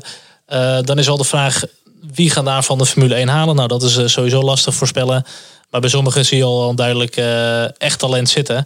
Eh, onder andere heb je... eh, Ferrari heeft best wel wat talenten in hun pool zitten. Met onder andere Armstrong, Schwartzman, eh, Schumacher... Ehm, ja, die jongens die rijden alle drie sowieso dit jaar in de Formule 2. Waarvan Schwarzman, daar ben ik echt het meeste van onder de indruk. En die, Absoluut. gaat, die gaat dit jaar naast eh Schumacher rijden met hetzelfde team. Ja, ik denk dat echt Schumacher eh, te, te volledig om zijn oren gereden gaat worden. Dat denk ik ook, ja. Ik denk dat hij ik denk dat hij echt gehakt gaat maken van Schumacher. Ja. Ja. Toch echt, ik als leek, ehm, ik heb jullie het afgelopen jaar vaker gehoord over talenten. Maar jullie zeiden iedere keer, er is niks. Er is geen nieuw talent. Dus waar maar- komt Zwartsman ineens Kijk, de vandaan? jongens die hebben afgelopen seizoen in de Formule 3 gereden. Die gaan nu debuteren in de... Of debute, eh, Ja, debuteren in de twee. debuteren in de, in de Formule niet voor te 2. ik bedoel niet, waar komt hij vandaan? Waarom heb je hem nu ineens zo hoog zitten? Nee, omdat de jongens eh einde seizoen de- zie je gewoon echt die strijd tussen die gasten. Die gaan nu naar de Formule 2 toe. Nu kan je het echt beter gaan beoordelen. Formule 3 blijft nog steeds leuk. Maar daar zijn gewoon teams die zijn daar gewoon zo bizar sterk. Ehm, dat is gewoon moeilijk om die te gaan vergelijken. Formule Ja, 2, eh, Ik wil het zeggen, weet je, toen we zeiden, wat, er is niks, dat is zo een beetje in de huidige Formule 2. Want ik bedoel, eh, iemand als Nicolas Latifi wordt daar tweede, iemand als Nick de Vries wordt kampioen. Ja, weet je, de, de Formule 2-lichting van afgelopen jaar eh, was gewoon heel erg zwak. Eh, eh, vooral historisch gezien. Ja. Ik denk dat dit jaar Ja, er echt heel veel, maar dat was omdat al deze jongens nu voorheen nog in de Formule 3 reden. Ik denk nog steeds dat Mick Schumacher niet in dit lijstje, in dit lijstje hoort. Ik, ik heb gewoon niet zo heel veel vertrouwen in Mick Schumacher. Als hij de Formule 1 had, is het vanwege zijn achternaam. Ehm, maar weet je, nu heb je inderdaad gewoon nieuwe lichting uit de Formule 3 die echt heel interessant zijn. Nou, ik heb Schumacher erbij gezet in dit lijstje, in het draaiboek dan, omdat hij wel eh, de mogelijkheden heeft om de Formule 1 te halen, omdat je het al zegt, op zijn achternaam. ja. En eh, Tsunoda is natuurlijk de Honda-protégé. Ja. Maar eh, Richard Verschoor, gewonnen in, eh, in Macau, Macau. uiteraard. Ja, dat was echt een magistraal weekend voor hem in Macau. Gewoon Maar is heel dat rustig Formule opbouwen. 1 eh, materiaal? Het is nog niet zeker of hij dit jaar Formule 3 of Formule 2 gaat rijden. Eh, ik denk zelf dat een jaartje Formule 3 hem eh, zeker geen, eh windrijden zou leggen. En dan mocht je daar goed presteren, kan je altijd kijken of je het budget rondkrijgt om door te gaan. Ja. Ehm, maar goed, ik wil nog heel even kort over die, over die Ferrari-talent inderdaad. Eh, kijk, wat heel erg vertekent, dat is die jongens die reden allemaal bij Prema. En dat is echt het team in de Formule 3 eh, die gewoon de kampioenen levert. Dus ik ben echt benieuwd wat een Schwarzman naast Schumacher gaat doen. En wat gaat bijvoorbeeld een, een- een Ferrari slash eh, Alfa Romeo doen als zo'n Schwarzman gewoon eh, eh, dikke klop geeft aan Schumacher? Dan kan je die nooit laten gaan debuteren. Nee, exact ja. En, en Armstrong gaat naar ART, geloof ik. Als ik, Ja. als ik het goed heb. Nou ja, dat is natuurlijk waar Nick de Vries kampioen werd. Dus ik bedoel, Armstrong zit ook gewoon bij een topteam. Ehm, die Lundgaard vind ik wel een interessante. Want die, dat, die komt natuurlijk uit de, uit de Renault-stal. Ehm, En we weten natuurlijk allemaal dat eerder dit jaar... eh, onze, eh, Jeroens, of eerder vorig jaar Jeroens grote vriend eh, zei... dat eh, ergens tegen 2021 ze misschien wel een Renault junior willen promoveren. Eh, ik zou Christian Lundgaard dus in de gaten houden. Want dat jongetje kan... eh, kan heel hard gas geven. En die zou nog wel eens bij Renault op de radar zitten. Als, eh, als, als, mijn, als mijn grote vriend Guan Yu Zhu dit jaar niet verder groeit. Nou, ik moet zeggen, die had ook een gigantisch goed eh rookie seizoen bij Ja. Virtuosi dit jaar. Uh, Tsunoda die gaat nu ook Formule 2 rijden bij Carlin. Ehm, dus dat, dat is ook wel leuk. Dat is een, jongen, een van de jongens uit de, uit de Red Bull stal eh, vanuit Honda. En we hebben Fips. En dat vond ik een hele rare move. Die deed ook echt niet slecht. Bij, eh, niet bij het topteam in de Formule 3. Maar wel zo goed gepresteerd. En die gaan ze in de Super Formula zetten in eh, Japan. Ja, ze hebben het redelijk vaak gedaan. Met Gasly, Lucas Auer, Daniel Tikte, met Award. Maar ja, Gasly deed het nog best wel goed daar. Maar de laatste twee wat minder. Ja, ik vind het wel een tricky move dat je iemand uit die wereld van de Formule 1 haalt en in Japan gaat zetten. Eh, als die Tatjana Calderon maar verslaat, dat is eh, het belangrijkste natuurlijk. Die gaat ook naar dat de moet wel te doen zijn. Ja, ik snap dat ook niet zo. Want je, hebt, Ja. je, je kan beter gewoon met de Formule 1 raceweekenden eh, meerijden. Dus de Formule 2 zou veel logischer zijn geweest. Maar Ja. ik ben ook van Fips ben ik niet overtuigd, moet ik eerlijk zeggen. Ik vind wel een talent, maar of die echt... eh, hij is niet van het niveau Schwarzman en Armstrong in mijn ogen. Maar wat ik wel weer opvallend vind, is dat jullie eh Ragunathan eh niet hebben meegenomen. Als we dan echt over toptalent hebben. Die jongen die is gewoon kampioen geworden in de Bosch GP. Ja, die zou met jouw Formule E best goed mee kunnen komen, denk ik. Ja, dat denk ik Die jongen ook die was met, eh, Formule 2 in eh, Baku afgelopen jaar straatje keren. Moest hij volgens mij een stuk of 30 keer steken voordat hij die auto gedraaid had. Ja, toptalent. En hij is heel goed met penalties halen. Ja, zeker. Ja, dat ook, ja. Wereldkampioen. Race Reporter. De Formule 1 podcast. Ik heb even heel, heel, heel iets anders. Haas hebben we het helemaal niet over gehad. Hoe staat het daarmee? Hebben die nog sponsoring? Ja, het is van opvallend Haas, stil. Haas Automation. Haas Automation. ja, eerlijk gezegd zijn ze bij mij ook wel een klein beetje die gunfactor kwijt. Eh, Weet je, ze kwamen als een nieuw team binnen. eh, andere goed, filosofie. Heel veel gewoon overkopen van Ferrari. Eh, weet je, ik vond het eh, super fris ook. Maar- En dat ze nu dit jaar weer eh Magnus en Grosjean aanhouden. Dat gezeik vorig jaar met Rich Energy. Ja, ik vind dat eh, het leuke vind ik wel een beetje afbeuren of zo. Nou, dat is het vooral. De gunfactor is weg, omdat ze weer met die twee aankomen. Die, die twee, dat gaat, dat gaat ze niet verder helpen. Alleen Gunther Steiner. Die, En ik, ik snap wel dat je één van die twee aanhoudt. Want je wil consistentie en je wil wat ervaring hebben en al dat soort dingen meer. Maar je, moet, je had er gewoon een jongere jongen naast moeten zetten. En dat groot snapt toch talent. niemand? Het nee, enige wat hun nu nog gaan redden is dat eh Gunther Steiner in Drive to Survive 2 echt episch geniaal gaat zijn. dat ze weer een beetje gunfactor krijgen. Maar zo niet, dan. Ja, ik, ik zie er weinig in in dat team nu. Ongekend. Als je toch op, op YouTube kijkt naar Grosjean crashes. Dat is ongelooflijk. Ja, maar Grosjean, die was toen... In, in, ik heb dat nooit begrepen. Toen hij in Barcelona eh, als een, eh, als een Ja, debiel... spin. eh, Zo. Met en dat hij- ja, gaat er eerst Ja. af en dan gaat hij in de ronde spinnen. En dan ramt hij Gasly en dan ramt Hulkenberg eraf. Toen had je toch meteen al... Als je haas was, had je gezegd... Oké, dit is je laatste jaar, vriend. Maak geen flikker uit wat je nu nog doet. Jij bent weg hier. Dat was echt zo'n verschrikkelijke rookie mistake. Maar gevaarlijk ook gewoon. Ja, levensgevaarlijk. Echt ongelooflijk. Tja, ongelooflijk. Maar goed, wat, wat gaat Haas doen? Wat is, is- zijn er nog nieuwtjes? Is er nog iets? Nee, maar het punt, is dat ze die, het hebben? punt is natuurlijk dat ze die Rich deal ook pas eh, vorig jaar bij de presentatie van de nieuwe auto bekend maakten. Dus ehm, het zou best kunnen dat er een nieuwe hoofdsponsor op, op komst is. Aan de andere kant, ehm, ja, weet je, ik, ik denk ook niet echt dat de bedrijven in de rij staan voor eh, Haas eh, Grand Prix. En ik denk dat dat misschien wel een groter probleem is. Ze wachten op de budget cap. Ja, nou, je zijn het eh, Ja. twee, weer dezelfde rijders. Wat ze bij McLaren hadden hebben gedaan. Dat is wel gewoon goed. Fris, eh, je ziet meteen waar ze staan. Ja, en het heeft ze alleen maar dingen gebracht. Hè. Dat zou ook een voorbeeld van Haas moeten zijn. Die hebben twee nieuwe coureurs genomen waar Ja. best wel risico aan zat. Zeker Norris, maar ook Sainz wel. Want die deed bij Renault ook niet geweldig. En eh, kijken hoe dat zich heeft uitbetaald. Het is Ja. echt niet zo dat als je met twee jongere rijders gaat werken... dat ineens je team instort of zo. Nee. Maar goed, we gaan het meemaken. We gaan ons opmaken voor 3 mei. Dat is eh, sneller dan je denkt. Dus ik kan het zeker eigenlijk nog niet voorstellen. Dit jaar, over een paar maanden, hebben wij hier een paar eh, kilometer hier vandaan, hebben wij hier de Dutch Grand Prix. En ik denk dat we allemaal als kleine jongetjes hier wel een beetje in de duinen in Zandvoort hebben gezeten. Eh, Ja, absoluut. De verschillende autoraces met, met weer en wind. dat je naar die pitstraat keek. Dat je Ik dacht, heb ook jongens, eh, heel veel vrienden erbij. Want iedereen wil bij mij slapen in Haarlem natuurlijk. hebben jullie ooit wel eens de Dutch Grand Prix meegemaakt zelf, eh, live? Of Nee. nee, helaas. Ik was wel 14 toen, maar nee. keek je het wel al, eh Jeroen Ja, op tv. Maar er waren twee races of zo per jaar toen. Monaco, meen ik, en, eh, Ja. en eh, Zandvoort. En dat keek ik wel, maar je kon er, nee, ik kon er niet naartoe. Ik, eh mijn echte eerste races waren dan de ANGP. Volgens mij met Jeroen Blekemolen in de regen. Met een Ja, poncho onder een, eh, onder een parapluutje. Ja, de En demo's, ik dacht, oh, Ja, Marlboro Masters. Ik weet nog dat eh, Schumacher er was met zijn Ferrari. En toen had ik eh, dat jaar had ik een, eh, een pitstraatkaart. Ehm, en toen eh, stond ik aan het uiteinde van de pitstraat. En toen stopte die ongeveer twee meter voor mijn neus. En toen ging hij even een donut doen. En ik dacht dat mijn, gehoorverliezen eruit geblazen werden. Maar het was wel daarom luister je altijd zo slecht. Ja, daarom luister ik altijd zo slecht. Ja, ja dat is het Wat? inderdaad. Hè? Ehm, ja, maar dat was wel een geweldige ervaring inderdaad. Ja. Eh, en de Arrows demonstraties met, eh, met Jos Verstappen natuurlijk. Ehm, En Williams. Williams En inderdaad, ja. ja en, en ook nog een keer met Villeneuve en Friends, hè. Want eh, die zijn er ook nog met... eh, in 97 zijn ze ook nog een keer geweest. Ja, Maar je, maar je was in Zandvoort laatst. Ja, je was Ja, vrijdag 17 januari, afgelopen vrijdag, hadden we een media-update op Zandvoort. Hadden we eerst al begin december gehad. En toen werden eigenlijk de echte plannen voor de, de mega verbouwing werden wel een beetje duidelijk. De tunnels, et cetera. Ehm, en nu zie je toch dat het echte sloopwerk op het circuit gewoon is gedaan. En ehm, ze zijn nu echt het opbouwen. De bankings die worden nu gelegd. Ehm, ook bij de, de Hugenots. Normaal, als je dan naar de, de paddock liep, dan had je aan de rechterkant, zag je een beetje die Hugenotsbocht lopen. Maar dat ga je nu niet meer zien. Er zijn dikke betonnen wanden om eigenlijk al dat zand en die hele banking zeg maar, eh, te kunnen houden. Ja, het is echt een mega project dit. Maar het wordt echt bizar gaaf. Ja, ze zeggen eh, voldoende inhaalmogelijkheden. Tot zes eh, inhaalmogelijkheden per rondje. Dat is echt gelul. Nou, dat, dat, dat is, dat lijkt me Ja, bijzonder. Ja, tenzij je achter Lance Stroll zit misschien, maar anders niet.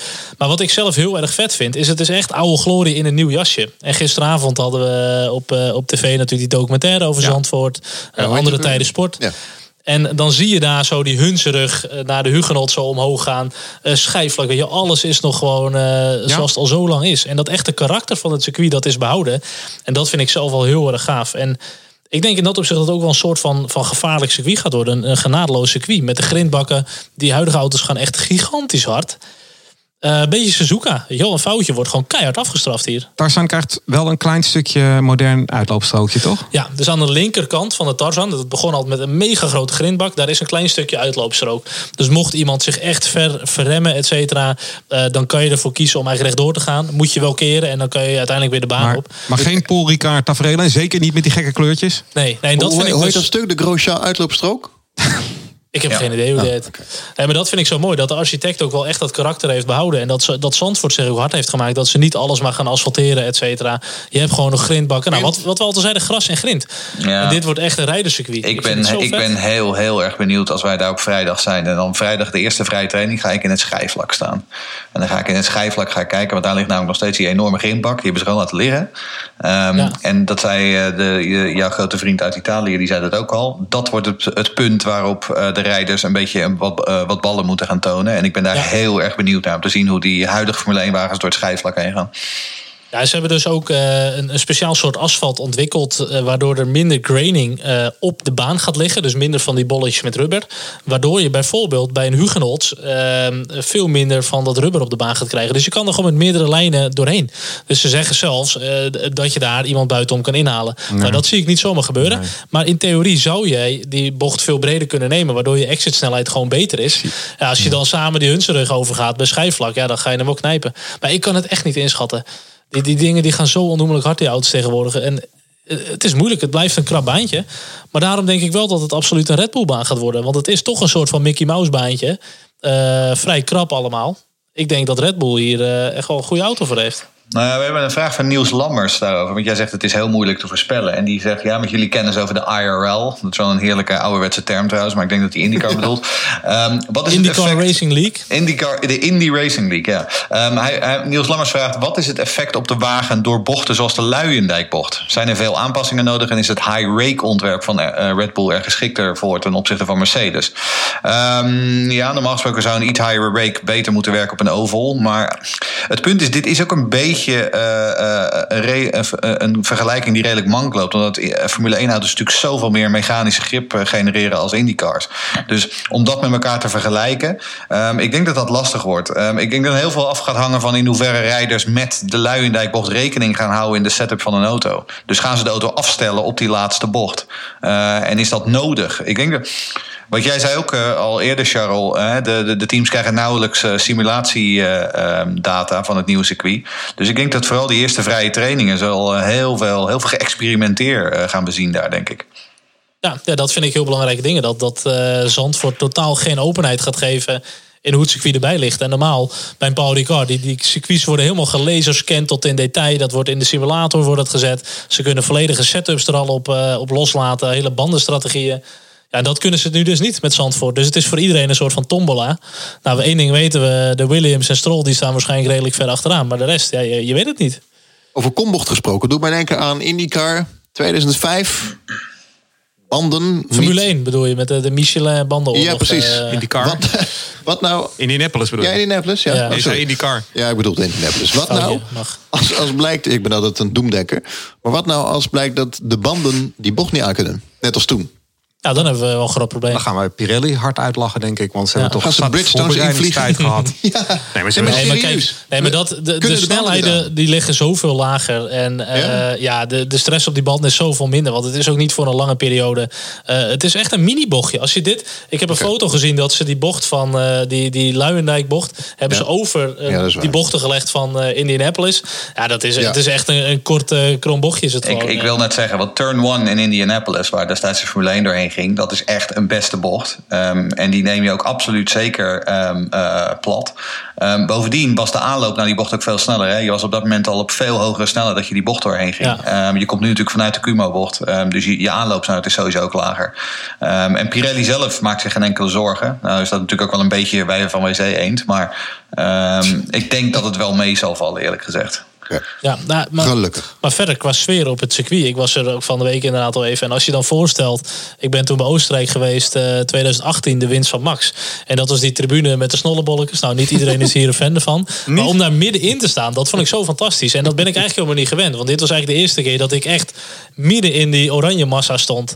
Ehm, en dit, dit was echt fantastisch. En als je dat voorstelt, dat je dat op Zandvoort hebt, maar dan keer 100. Ja, dat is toch fantastisch? Ja, dat vind ik- Als die ik- sfeer zo goed is. Ik vind het wel fijn met dat concertprogramma. Dat ze dat nu ook al bekend hebben gemaakt. Dan weet ik tenminste wat ik over kan slaan dat weekend. Het verschrikkelijk. Toch? Ja. Jezus, man. Echt Dan prima, moet ik zeggen, ze waren wel. Ze waren wel behoorlijk mysterieus over het podium. Want daar is nog het een en ander om te doen. Ze hebben wel echt een super tof concept met het, eh, eh, met het podium wat ze, wat ze graag willen. Maar dat kan waarschijnlijk niet op die plek. Ehm, maar daar gaat ook nog wel een en ander gebeuren hoor. Met DJ en eh, festiviteiten, weet ik het wat. Nee, maar echt heel klein, hè? Ja, Jeetje, man. ik hoop sowieso dat ze niet zoals in Mexico. Die, die gast met die, met die helm, met die sombrero. Ik, ik verwacht K3 nog. Ik verwacht K3 ook nog. Oh mijn god. Ja, als we nou echt de originele Chris Cross hadden gehaald, kijk, dan had ik gezegd, ja, Ja. top, dan ga ik even, daar ga ik Ja. ook weer kijken. Maar er is een rip-off Chris Cross. Ja. Maar goed, ze hebben ook alweer gezegd... de grote artiesten die worden vaak kort van tevoren aangekondigd. Eh, dus ik hoop dat ze nog wat Ja, achter de grote hebben. artiesten. Marco Borsato. Fransje Bauer. Race Reporter, de Formule 1 podcast. Racereporter.nl Hey, jongens, hebben jullie Dakar gevolgd? Even heel iets over zand gesproken. Ja, ik eh, Dakar altijd. gevolgd? Ja, zeker. Ik heb Ja, Alonso zien koprollen, ja. Dat heb ik, eh, dat heb ik nog gezien. Goeiedag, wat een klapper. Hij, eh, hij heeft het goed gedaan, eh, Alonso. Ik kreeg een vraag binnen van Jan Pisters. Alonso nog gevolgd bij Dakar debuut. Nou, ik heb het wel, wel gevolgd enigszins hoe hij het heeft gedaan. Hij heeft het goed gedaan, heb ik begrepen. Hebben, hebben jullie het gekeken? Ja, voor een rookie heeft hij het absoluut goed gedaan. Hij, hij reed in de Toyota Hilux, teamgenoot van Bernard en Brinken. Eh, je kan natuurlijk voor de Dakar daarvoor wel wat rallies gaan doen. Ehm, maar, maar niks is zoals de eh, Dakar. Ja, Maar niks is echt zoals de Dakar. En daar gaat het ook echt vol gas. En eh, bijvoorbeeld Carlos Sainz, de, de Ja. senior zeg maar, El Matador, die hem gewoon even wint. Ja, dat zijn gasten, jongen. Dat zijn rotten in het vak. Die, die heb- kunnen zo onnoemelijk hard. Ik kan me herinneren dat hij een keer in een greppel reed, eh, Saints. Gewoon echt gewoon Ja, een paar gewoon- meter. ja, ik ken hem nog wel, ja. Zo, die Ja, je heeft kan een best een klappers maken. meegemaakt. Ja, er is helaas ook inderdaad iemand eh, overleden weer dit jaar eh, op de motor. Ja, het blijft gewoon echt een Ja, mega bijna- zware bijna rally. ieder jaar, hè? Ehm, maar voor Alonso, ja, echt een prima Dakar debuut. Hij heeft zich echt sterk gehouden. Hij heeft lekker lopen sleutelen aan die auto. Hij heeft zelfs bijna nog een etappe gewonnen. Eh, en die koprol was inderdaad fantastisch. Ehm, ja, en, en dat vind ik gewoon zo leuk aan Alonso. Hij is voor mij echt gewoon een heel complete autocoureur. En hij staat zich niet blind op alleen Formule 1 of alleen dit of dat. Misschien wat voor Ferrari in de Ehm, toekomst. Ja, misschien. Of- Overigens moet ik wel zeggen, Ja. dat moet hij trouwens in mei niet weer proberen, zo'n koprol. Want dan, dat is niet goed. Beter van niet, nee. Op de Indy eh, Op 500. de Indy Misschien is hij wel 500 nee, zou ik niet doen. Dat zou ik heel erg afraden. Ja, wel een beetje spektakel. Nee, maar ik ben er wel fan van hoe hij zich zo beweegt in al die eh, verschillende disciplines. Ja. Good busy. Eh, nog wat vragen binnengekregen. Ook nog van Jan eh Sergeant, donateur van de podcast. Hoe zien jullie de toekomst in verband met de motoren in de Formule 1? Ja, want hij zegt, Pat Simmons van de VIA tegenwoordig... heeft op een forum laten horen dat ze aan een idee van een tweetakt eco-fuel motor werken. Ja, de eerste keer dat ik dat hoorde, dacht ik ook dat is eh, ja, zo'n proefballonnetje van niks. Want bij tweetaktmotoren, hè, die zien we al jaren niet meer in het straatbeeld. Hè. Die eh, zagen wat rookpluimen achter en die stonken en die waren zo vervuilend als de neten. Dus het is helemaal niet meer eh, anno 2020 eh, mogelijk. Maar ja, tegenwoordig schijnen ze, schijnen ze flink bezig te zijn met de verbetering van die tweetakt dingen. Met directe inspuiting, drukvulling, ontstekingen. Zijn ze tegenwoordig, kunnen ze efficiënter gebruikt worden nog dan vier takten. En dan ook nog met biobrandstof. Dus eh, het zou ze zelfs schoner kunnen maken dan elektrische motoren. Die, hè, die nogal vervuilend zijn bij de productie en de afvoer van accu's en dergelijke. Maar eh, sowieso gaat dit pas vanaf 2025 spelen. Eh, groot voordeel is eh, mogelijk om eh, weer terug te gaan naar Honda. Eh, of dat wel of niet blijft in de Formule 1. Ook de MotoGP overweegt weer terug te gaan naar eh tweetaktmotoren. En Honda is ook daar een grote speler. Dus qua ontwikkelingskosten zouden ze dan daar eindelijk eens wat kunnen besparen. Dus wie weet, het is een mogelijkheid. Ik zeg niet dat het gaat gebeuren. Maar uh, het is niet zo gek als dat het in eerste instantie leek. Ik geloof er niet zo heel veel van. Um, want ik hou ook de ontwikkeling in de auto-industrie in het algemeen wel een beetje bij. En tweetakmotoren staan echt nergens op de radar. Nergens. Nee. Uh, misschien in de, inderdaad delen van Japan, wat je zegt. Honda is er natuurlijk uh, een deel van. mijn oude werkgever Saab had vroeger altijd twee takjes. Die klonken wel heel goed. Um, ja. Maar... Ik vind ook zo oudbollig klinken. Alsof je oude brommer hebt. Een ja, absoluut, ja. ja, nee, het is een oud, zo'n oud, zo'n oud puugje inderdaad. Ja. En af en toe met een, met een, klein, uh, een klein plofje. Maar ja. um, nee, ik, ik zie dit niet gebeuren zo 1, 2, 3. Want uiteindelijk de Formule 1 moet dit ook relevant maken voor de grote autofabrikanten, voor de motorenfabrikanten. Uh, en de tweetakmotor ligt op dit moment gewoon niet in de planning. Nee, dat ben ik wel een beetje eens. Maar ze hebben het er dan over dat dit dan wel een, een, een groene variant wordt hè, van de oude tweetakmotor. Dus hij zou efficiënter kunnen zijn, hij zou schoner kunnen zijn. Oh nee, dan ben ik en, fan. Nou ja, goed, als ook de MotoGP het overweegt. Maar ook dat zijn alleen maar vage geruchten hoor. Dus het is, eh, het is een beetje lastig. Ik zie het ook niet 1, 2, 3 gebeuren. Maar het is ook weer niet zo gek als dat, uh, als dat te denken. Goed, vraag me dan kreeg van Leon. We hebben net al even gehad over de banden. Pirelli heeft alweer aangegeven dat ze in, twee, uh, in 2020 vanwege de verbeterde... Oh, je wilde 2020 zeggen, hè? Ja, ik... Jij bent een 2020er gewoon. Pirelli die uh, heeft aangegeven dat ze dus in 2020 Wegen de verbeterde bolides een hogere bandensluitage verwachten. Hoger dan twee. Het, je bent me helemaal van mijn apropos. 20, is dat 2019 of 2019? Goed. 2019. Um, waarom kiest Pirelli dan niet gewoon vaker voor de C1 of C2 band? Probleem opgelost, zou ik dan denken. Nee, het is inderdaad, Pirelli was uh, ver gevorderd in de, de banden voor 2020. Toen is er in Abu Dhabi besloten van uh, we gaan het toch niet doen. Uh, oftewel, ze gaan eigenlijk gewoon rijden met de compounds van 2019. Goed, de auto's die worden wel doorontwikkeld, die gaan harder. Dus de banden die krijgen ook inderdaad wel wat meer stress inderdaad. Excuses. Nee, het is op zich logisch nagedacht. Um, kijk, het is sowieso denk ik eh, een, een, mooie uitdaging voor de teams. Dat als die slijtage hoger is omdat je sneller gaat, hoe ga je die banden dan toch nog goed managen? Eh, dan kun je wel als Pirelli zeggen: Oké, we gaan wat hardere compounds meenemen. Maar voor mij is het hele spelletje van Pirelli juist dat ze banden willen hebben die slijten, die grainen. En daar moeten ze dan een, eh, een, een weg in vinden om dat, uh, dat goed voor elkaar te houden. En ik denk voor de teams dat het wel de, de kosten redelijk binnen de perken houdt. Ook voor stabiliteit dit seizoen met de huidige reglementen. En de Formule 2 gaat natuurlijk ook testen met 18-inch banden dit seizoen. En dat vind ik ook wel heel interessant om te zien hoe dat gaat verlopen. Nou, dan doe ik even een beetje à la Lucas complot denken. Um, Pirelli heeft heel hard gewerkt aan die 2020 compound. Hè? Um, hebben ze maanden gewerkt en volgens gaven ze die banden die teams. En die zeiden allemaal, sorry, deze banden zijn drie keer ruk. Als ik Pirelli was, zou ik naar iedere race gewoon hele zachte banden meenemen. Zodat je ze gewoon ontzettend dwars zit. En dat ze gewoon iedere wedstrijd gewoon zes spitsops moeten maken. Omdat die banden het niet volhouden. Dat lijkt mij prachtig. En dan verkoopt Pirelli weer meer bandjes. Ja, exact ja. In de Formule 1. Nou, goed idee. Stel het voor, stuur een mail. Met de ja. postduif. Nee, maar ik vind dat je die teams niet, uh, niet te makkelijk moet maken. Absoluut niet. Zij willen die huidige banden hebben. Nou, dan moet je het ermee doen ook, toch? Ja. Uh, dat was hem alweer. Nu al? Nu ja. al. Nou ja, we hebben er een uur op zitten. Dus uh, wat dat betreft hebben we ja, gaan we een uur vol. Ja, moeten we weer naar huis. zeg, dank. Ik, vond, ik heb jullie gemist. Ik, vond, ik vind het leuk jullie weer te zien. Ik... Ja, vooral Jeroen Demmendaal, die is nu, normaal was hij iets van gemiddeld 8 pixels. En nu zien we al zijn al zeker 16. haren in zijn baard. Uh, kunnen we tellen gewoon. Ja, ik zal het even uitleggen. We hebben Jeroen Demmendaal nu op een groot scherm naast ons zitten. Terwijl een klein iPadje. Op een iPadje nu. We hebben hem echt naast ons zitten. Voor het echte gevoel. dus uh, wordt een leuk jaar, jongens. Uh, iedereen bedankt. Bedankt voor het luisteren. Bedankt don donateurs. Chris, Niels en Karin. Wil je ook doneren? Doe dat graag. Dat hebben we hard nodig. Ga dan naar f1podcast.nl slash petje af. Like, share, doneer, reageer. Check racereporter.nl. Volg ons op Facebook, Instagram en Twitter. En dan doen we nu ons haar even goed voor de groepsfoto. En uh, tot de volgende. Tot de volgende keer. Yes. Hoi hoi. Hoi.